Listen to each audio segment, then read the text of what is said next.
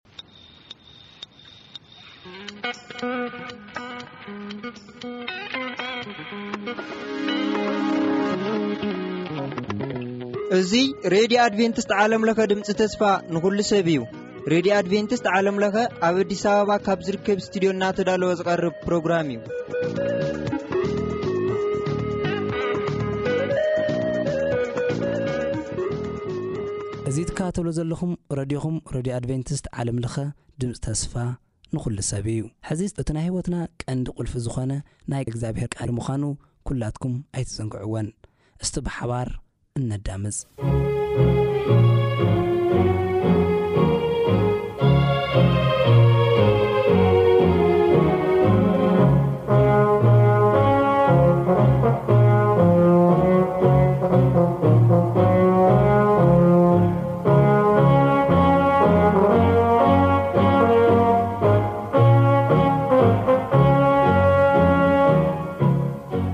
ሰላም ከመይ ቀኒኹም ክቡራት ተኸታተልቲ መደባትና እዚ መደብ እዚ መደብ ዛንታ ነብያት ተኸታታሊ ንርእዩ ቃል ኣምላኽ እዩ። በኣርከስ ናብቲ መደብ ቅድሚ ምእታውና ከንጽሊ ኢና። ንጸሊ። ነመስግነካ ሰማያውን ቅኑዕን ቅዱስን ዝኾንካ ኣምላኽ ሰማይ በዛ ዓለት እዚኣ ንኣይን ነሕዋተይ ንህዝበይ ዝኸውን ቃል ስለ ትልእኸልና ስለ ለይትን ዕቐና ዕለት ዕለት ንህይወትና ንመድሓኒትና ንፈውስና ዝኸውን ከኣ ስለ ትልእኸልና ነመስግነካ። በኣርከስ ሰማዕትና ጥያቄታቶም ኩሉ ከም ፍቓድካ ክትምልስ ንምሕጸነካ። ዝቐረየና ግዜ እስኻ ተረከበልና ኣይትፈለየና ስለ ሽመ ሲልካ መኣድና ባርኸልና ኣሜን። ሕጂ ንሪኦ ምዕራፍ ትሽዓተን ዓሰርተን እዩ ከምዚ ይብል ነቶም ተወጊኦም ዝሞቱ ደቂ ጓል ህዝበይ ለይትን መዓልትን ክበክስ ርእሰይ ዒላማይ ዒንተይ ድማ ፈልፋል ንብዓት ኮይኑ እንተዝኸውን መን ምሃበኒ ህዝበይ ኩላቶም ዝሞቱ እውን ጉባኤ ጠለምትን ኮይኖም እዮም እሞ ንህዝበይ ክሓድጎም ካብኣቶም እውን ከንኸፍለስ ኣብ ምድረ በዳ ምሕደር ኣጋየሽ መን ምሃበኒ ንሳቶም ንልሳኖም ከም ቀስቲ ገይሮም ሓሶት ይግትሩ ኣለዉ ኣብ ምድረ በዳ ብሓሶት በርትዑ ንሓቂ ግና ኣይኮነን ካብ ክፍኣት ናብ ክፍኣት ይኸዱ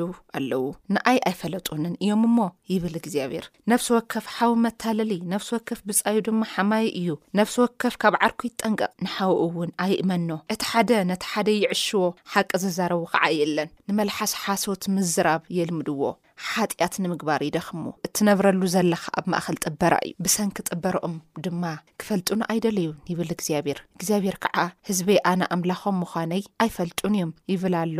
ስለዚ ጐይታ ሰራዊት እግዚኣብሄር ከምዚ ይብል፣ እንሆ፣ ክዅልዖም፣ ክፍትኖም እየ፣ ስለ ኽፍኣት ጓል ህዝበይ። ካብዚ ዝበለ እንታይ ኺገብር ይኽእል? ልሳኖም ዝተስሓለ ፍላጻ እዩ፣ ሓሶትውን ይዛረቡ ኣለዉ። ነፍሲ ወከፍ ንብጻዩ ብኣፉ ሰላም ይዛረቦ፣ ብልቡ ግና ይጸናወቶ። በዚ ነገር እዚ ዶ ክቐጽዖም ኣይግብኣንን? ነፍሰይከ ኣብ ልዕሊ ከምዚ ዝበለ ህዝቢ ክትብቀል ዶ ኣይግብኣን እዩ? ይብል እግዚኣብሔር። ንእምባታት ብኽያት፣ ነቲ መውፈሪ ምድረ በዳ እውን ዋይ ዋይ ምባል ከልዕል እየ። ሰብ ከይሓልፈሎም ብሓዊ ነዲዶም እዮም እሞ፣ ክቝዝምሎም እዮም። ኣብኡ ድምጺ ኻፍት ኣይስማዕን፣ ካብ ኣዕዋፍ ሰማይ ጀሚሩ ኽስካዕ እንስሳ ዘገዳም ሃዲሞም ክኸዱ። እግዚኣብሔር ከዓ ንየሩሳሌም፣ መኾመሪ ፍርስራስ እምንን ሰፈር ወኻሩን ክገብራ፣ ንኸተማታት ይሁዳ ከኣ ሓደ እኳ ዘይነብረለን ዑናታት ኽገብረን እየ ይብል ኣሎ። ኣነ ድማ እታ ሃገር ሓደ እኳ ብኣኣ ዚሓልፍ ዘየለ ዀይና ኸም ምድረ በዳ ነዴዳ ዝጠፍአት ስለምንታይ እዩ? ነዚ ዘስተውዕል ጥበበኛኸ መን እዩ? ነዚ ኽገልጾ ኣፍ እግዚኣብሄር ንመን ተዛረበ? በልኩ፣ እግዚኣብሄር ከኣ ኸምዚ በለኒ፣ እዚ ዅሉ ዝዀነ ነቲ ኣብ ቅድሚኣቶም ዘንበርክዎ ሕገይ ሓደጉ፣ ቃለይ ኣይሰምዑን። ብእዉን ኣይተመላለሱን፣ እኳ ደኣ በትሪ ልቦም ከምታ ኣብኣታቶም ዝመሃርዎም በዓል ንዝበዓል ንዝበሃል ጣኦት ተኸተሉ። ስለዚ ጐይታ ሰራዊት እግዚኣብሄር ኣምላኽ እስራኤል ከምዚ ይብል ኣሎ፣ እንሆ፣ ኣነ ነዚ ህዝቢ እዚ ዕረ ከብልዖ፣ መሪር ማይ ከስትዮ እየ። ኣብ ማእከል እቶም ንሳቶም ኰኑ ኣቦታቶም ዘይፈልጥዎም ህዝብታት ፋሕ ከብሎም፣ ክስካዕ ዝውድኡ ድማ ሰይፊ ደድሕሪኣቶም ክሰደሎም እየ። ጐይታ ሰራዊት መሊሱ ኸም ዝበለኒ፣ በኸይቲ ኣንስቲ ኽመጻ ጸውዑ፣ ንኽመጻ ናብተን ብልሓተኛታት ኣንስቲ እውን ለኣኹለን፣ ኣዒንትና ንብዓት ኩቛጽር፣ ቅርንብ ዓይንና እውን ማይ ከውሕጅ፣ ቀልጢፈን የልቅሳልና በሉ። ኣታ ኽንደይ ተዘመትና፣ ንኣባይትና እውን ኣፍሪሶምዎ እዮም እሞ፣ ምድርና እውን ሓዲግና ኢና እሞ፣ ውርደትና ኸ ክንደይ ዓብዪ እዩ! ዝብል ድምጺ ቍዘማ ካብ ጽዮን ይስማዕ ኣሎ። ኣትን ኣንስቲ፣ ንቃል እግዚኣብሄር ስምዓ፣ ኣእዛንክን ድማ ቓል ኣፍ ይቀበል። ነዋልድክን ኣውያት፣ ጻልሚ ደኣን ንስ ንሳትክን ክዓ ቁዘማ ተመሃሃራ፣ ሞት ንቆልዑ ካብ መገድታት ክጠፍእ፣ ነጉባዝ ድማ ካብ ኣደባባያት ክጸንት፣ ብመሳኹቲ ደይቡ ናብ ኣዳራሻትና እውን ኣትዩ እዩ። ሬሳታት እቶም ሰባት ከም ደድሕሪ ዓጺድ ዝእክቦም ዘይብሉ ቀሪም ከም ኣብ ግራት ዝወደቀ ድኹዕን እዩ ይብል እግዚኣብሔር ከምዚ በለኒ ጥበብ ብጥበብ ኣይመካሕ፣ ሓያል ብሓይሉ ኣይመካሕ፣ ሃብታም እውን ብሃብቱ ኣይመካሕ፣ ዝምካሕ ኣነ ኣብ ምድሪ ምሕረትን ፍርድን ጽድቅን ዝገብር እግዚኣብሔር ምዃነይ ብምስትውዓል ብምፍላጥ ደኣ ይመካሕ፣ ንኣይ ደስ ዘብሉ እዚኣቶም እዮም ይብል እግዚኣብሔር፣ ኵላቶም ኣሕዛብ ኣይተገርዙን፣ ኵሎም ቤት እስራኤል እውን ልቦም ኣይተገርዘን እዩ እሞ፣ እንሆ ንዅሎም ግርዛት ንግብጽን ይሁዳን ኣዶምያስን ኣሞንን ሞኣብን ነቶም ኣብ ጸጕሮም ወሰና ወሰን ዝላጽዩ ኣብ ምድረ በዳ፣ ዝነብሩ ዅላቶም ብዘይ ምግራዞም ዝቐጽዐለን መዓልትታት ይመጻ ኣለዋ ይብል እግዚኣብሄር። ኣቱም ቤት እስራኤል፣ እዚ እግዚኣብሄር ንስኻትኩም ንኣኻትኩም ዝዛረቦ ቓል ስምዑ። እግዚኣብሄር ከምዚ ይብል ኣሎ፣ መንገዲ ኣህዛብ ኣይትመሃሩ፣ ኣህዛብ ይፈርሕዎም እዮም ኢልኩም ከኣ በቲ ኣብ ሰማይ እትርእይዎ ምልክታት ኣይትፍርሑ። ልማድ ህዝቢ ከንቱ እዩ፣ ኦም ካብ ዱር ይቖርጽዎ፣ ጸራቢ ኸኣ ብምሳር ይጸርብዎ። ብብሩር ብወርቅን ይልብጥዎ፣ ከይወድቁ ድማ ብሽንካር ብመዶሻ የጋጥምዎ። ኣብ ውሽጢ ተኽሊ ዱባ ንመፈራርሒ ኣዕዋፍ ከም ዝትከሉ ነገራት እዮም። ክኸዱ ስለ ዘይክእሉ ሰብ እዩ ዝጾሮም። ዝገብርዎ ጽቡቕ የብሎምን፣ ክፉእ ድማ ክገብሩ ኣይክእሉን እዮም እሞ ኣይትፍርሕዎም። ኦ እግዚኣብሄር ከማኻ ሓደ እኳ የለን፣ ንስኻ ዓብዪ ኢኻ፣ ሓይሊ ስምካ ድማ ዓብዪ እዩ። ኣታ ንጉስ ኣህዛብ ክትኽበር ይግበኣካ እዩ፣ ካብ ኩሎም ጠቢባን ህዝብታትን ካብ ኩሎም መንግስታቶምን ሓደ እኳ ከማኻ የለን ንኣኻ ዘይፈርሕ መን ኢዩ ኩላቶም ድንዙዛት ዓያሹ ኢዮም ከንቱ ናይ ጣኦታት ትምህርቲ ዕንጸይቲ ኢዩ ጣኦታት ካብ ተርሲስ ዝንበበ ዝመጸ ብዝመጸ ብሩር ካብ ኦፊር ብዝመጸ ወርቅን ብሰራሓ ኣንጥረኛን ብኢድ ብልሓተኛን ዝተገበሩ ኢዮም ክዳውንቶም ብብልሓተኛ ሰባት ዝተገበረ ሰማያዊ ቀይሕ ኢዩ እግዚኣብሄር ግና ናይ ብሓቂ ኣምላኽ ኢዩ ንሱ ህያው ኣምላኽ እቲ ዘለኣለማዊ ንጉስ እዩ፣ ብቝጥዕኡ ምድሪ ተንቀጥቅጥ፣ ንቝጥዕኡ ድማ ኣህዛብ እውን ኪጽመምዎ ኣይክእሉን። ንስኻትኩም እውን፣ እዞም ሰማይን ምድርን ዘይፈጥሩ ኣማልኽቲ፣ ካብ ምድሪ፣ ካብ ታሕቲ ሰማይ፣ ኪጠፍኡ እዮም ክትብልዎም ኢኹም። እግዚኣብሄር ግና ብሓይሉ ምድሪ ፈጠረ፣ ብጥበቡ ኸኣ ንዓለም ኣቖማ። ብፍልጠቱ ድማ ንሰማያት ዚዝርግሕ ንሱ እዩ፣ ድምጹ ምስኡ ኣስምዐ። ድምጹ ምስ ኣስምዐ፣ ማያት ኣብ ላዕሊ ኣብ ሰማያት ይእከቡ። ንግመ ካብ ወሰን ምድሪ የልዕሎ፣ ብጊዜ ዝናብ መባርቕ ይገብር፣ ንንፋስ እውን ካብ መዛግብ የውጽኦ። ኵሎም ሰባት ፍልጠት ስኢኖም ደንዘዙ፣ እቲ ብፋስ ዝተገበረ ምስሊ ጣኦት ሓሶትን ህይወት ዘይብሉ እዩ እሞ፣ ኣንጠረኛ ዝዀነ ዅሉ በቲ ዝገበሮ ምስሊ ሓፈረ። ከንቱ ኽነዓቝ ዘለዎም እዮም፣ ብጊዜ ቅጽዓቶም ከኣ ክጠፍኡ እዮም። እቲ ግደ ያእቆብ ግና ከምዚኣቶም ኣይኮነን፣ ንሱ ንኹሉ ዝፈጠረ እዩ እሞ፣ እስራኤል ድማ ነገዱን ርስቱን እዩ እሞ፣ ስም ጐይታ ሰራዊት እግዚኣብሔር እዩ። እቲ ግደ ያእቆብ ግና ኸምዚኣቶም ኣይኮነን፣ ንሱ ንኹሉ ዝፈጠረ እዩ እሞ፣ እስራኤል ድማ ነገዱን ርስቱን እዩ እሞ፣ ስሙውን ጐይታ ሰራዊት እግዚኣብሔር እዩ። ኣብ ዕርዲ ዘለኺ ኣቓሑኺ ካብ ምድሪ ኣክቢ፣ እግዚኣብሔር ከምዚ ይብል ኣሎ ነዞም ኣብዛ ሃገረ እዚኣ ዝነብሩ ዘለዉ በዚ ግዜ እዚ ናብ ርሑቕ ሃገር ክውንጭፎም እየ ክስካዕ ዝፈልጦም እውን ከጽብበሎም እየ ስለ ስምብራተይ ወይለ ቁስለይ ዝኸፍአ እዩ ኣነ ግና እዚ ናይ መከራ ቁስለይ እዩ እሞ ክመ ክጽመሞ እየ በልኩ ድንኳነይ ተበላሸወ ዅሉ ገመዳተይ ተበታተኸ ደቀይ ተበታተኑ ምሳይ የለውን ደጊም ድንኳነይ ዝተክል መጋረጃይ ከዓ ዝሰቅል የለን እቶም ጓሶት ሰኒፎም ንእግዚኣብሔር ድማ ኣይጠየቑን ስለዚ እውን ኣይሰለጦምን እቲ መጓሰ ኸዓ ፋሕ ኢሉ ኣሎ፣ ድምፂ ወረ ሰምዑ፣ እንሆ ንኸተማታት ይሁዳ ዑና መስፈሪ ወኻሩ ምእንቲ ኽገብር፣ ድምፂ ብብርቱዕ ህህምምታ ካብ ሃገር ሰሜን ይመፅእ ኣሎ። ኦ እግዚኣብሄር፣ ህይወት ሰብ ኣብ ኢድ ከም ዘይኮነት እፈልጥ እየ፣ ኣካይድኡውን ኣቕኒዑ ክመርሕ ካብ ባዕሉ ኣይኮነን። ኦ እግዚኣብሄር ቅፅዐኒ፣ ግና ብልክዕ ኣይኮነን፣ ምእንቲ ኸይጠፍእስ ብቝጥዐኻ ኣይኩን። ንያዕቆብ በሊዕዎ፣ በሊዖምዎ፣ ውሒጠምዎ፣ ወዲኦምዎ። ንመንበሪኡ እውን ኣዕንዮሞ እዮም እሞ፣ ጥዓኻ ናብኣቶም ዘይፈለጡኻ፣ ናብቶም ዘይፈለጡኻ ኣህዛብን፣ ናብቶም ስምካ ዘይጽውዑ ዓሌት ኣፍስሶ። እምበኣርከስ መጨረሻ ግን ከምዚ ኢልዎ፣ ኤርምያስ ተጋጊኻ፣ ኪዳነይ ምስ ዘፍረሰስ እንታይ ስራሕ ኣለኒ? ንትሕዝቶ ኪዳን እዚ እዩ፣ ንትሕዝቶ እዚ ኪዳን እዚ እዩ ስማዕ ኢልዎ።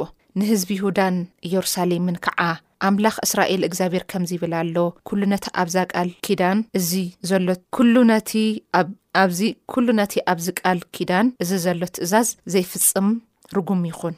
ካብታ ኸም እቶን ሓጎዶ ዝኾነት ግብጺ ከውጽኦም እንተ ኣለኹ፣ ምስ ኣቦታቶም ዝኣተኽዎ ቃል ኪዳን እዚ እዩ፣ ዝኣዝ ክእዝዞም ክእዘዙንን ኵሉ ዝበልክዎም ክፍጽሙ ነገርክዎም። እንተ ደኣ ተኣዚዞምኒ፣ ህዝበይ ከም ዝኾኑ፣ ኣነ ኸኣ ኣምላኾም ከም ዝኸውን ነገርክዎም። ሽዑ ከምዚ ሕዚ ኮይንዎ ዘሎ ነታ ጸባን መዓርን እተውሕዝ ሃገር ከም ዝህቦም ነቦታቶም ኣተስፈኹዎም ኣተስፈይኩዎም ኣተስፌዮም ዝነበርኩ ከም ዝህቦም ነቦታቶም ኣተስፌዮም ዝነበርኩ ክፍጽሞ እየ ኣነ ኸዓ ኣሜን ጎይታ ኢለ መለስኩ ሽዑ እግዚኣብሔር ናብተን ከተማታት ይሁዳ ናብ ኣደባባያት የሩሳሌም ኪድ ንትእዛዘይ ኪዳነይ ክሰምዕዎ ክፍጽምዎ ኣውጀሎም ነቦታቶም ካብ ዓጽ ነቦታቶም ካብ ግብጺ ምስ ኣውጻእኽዎም ክእዝዙኒ ኣበርቲዐ ኣጠንቀ ክዎም እወ ክስካዕ ሎሚ መዓልቲ ከየቋረጽኩ ኣጠንቀቅክዎም ነብሲ ወከፍ በትሪ ክፉእ ልቦም ከዱ እምበር ኣይሰምዑንን ኣይተኣዘዙን ስለዚ ከኣ ነቲ ክገብርዎ ዝእዝዝኩ ዝኣዘዝክዎም ስለ ዘይፈጸሙ ነዚ ኣብዚ ኪዳን እዚ ተገሊጹ ዘሎ መቕጻዕቲ ኣብ ርእሶም ኣብሮድክዎ በለኒ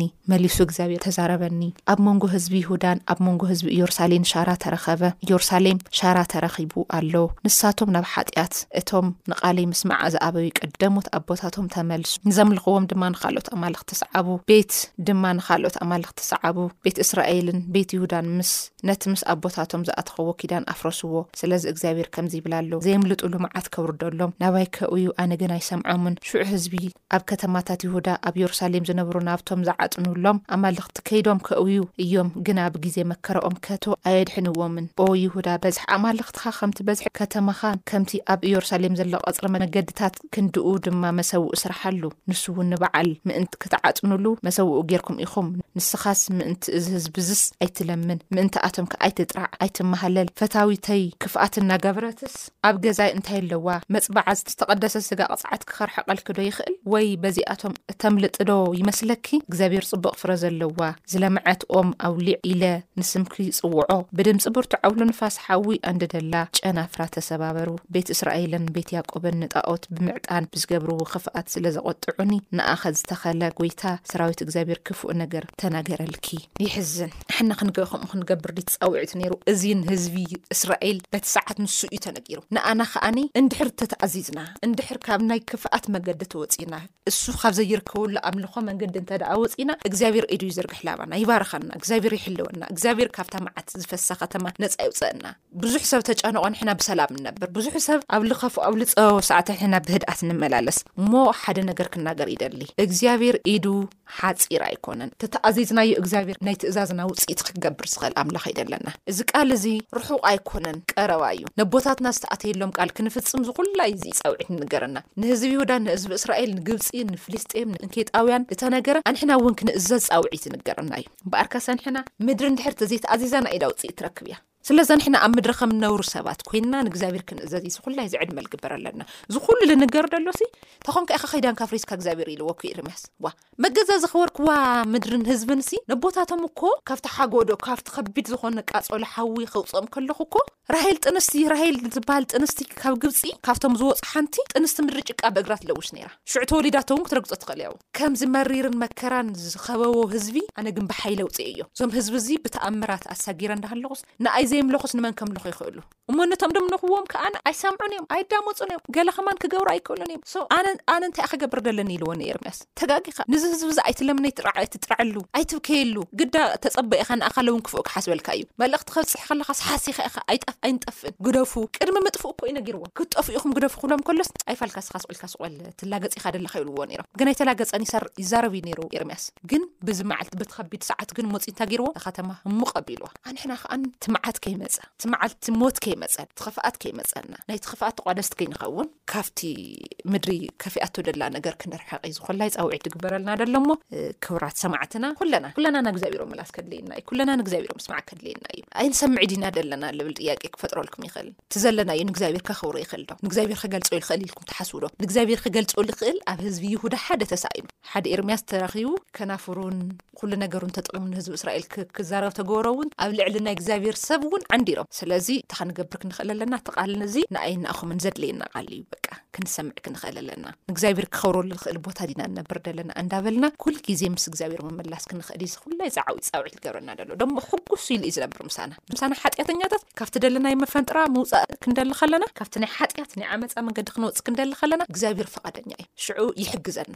ሽዑ ብብርቱዕ ንጡፋትን ጎበዛት ሰባት ንኸውን ማለት እዩ እና ክሕግዘና እዩ። ከምዚ ኢሉ ክነግረና ከሎ ብተራ ነገር ኣይኮነን። እሱ እውን ናባና መጺኡ ከም ዘበርትዐና ይነግረና። ስለዚ እዚ ቓል እዚ ተጠቒምና እግዚኣብሄር ኣኽቢርና ክንሓልፍ እግዚኣብሄር ኣምላኽ ጸግኡ የብዝሐልና። ጥያቄን ሓሳብ እንተ ደኣ ሃልይኩም ብልሙድ ስልኪ ቁጽርና ባዶ ትሽዓተ ሰማንያን ትሽዓተን ሰብዓን ሸውዓተን ኣርብዓን ሓሙሽተን ቴስዓ ፖስታ ሳጹን ቁጽሪ ከኣ ን ሚእትን ኣርብዓን ሓሙሽተን ኢልኩም ሚእትን ኣርብዓን ሓሙሽተን ኣዲስ ኣበባ ኢልኩም ሓሳብኩምን መልእኽትኹምን ክትነግሩና ትኽእሉ ኢኹም ሰናይ ቀን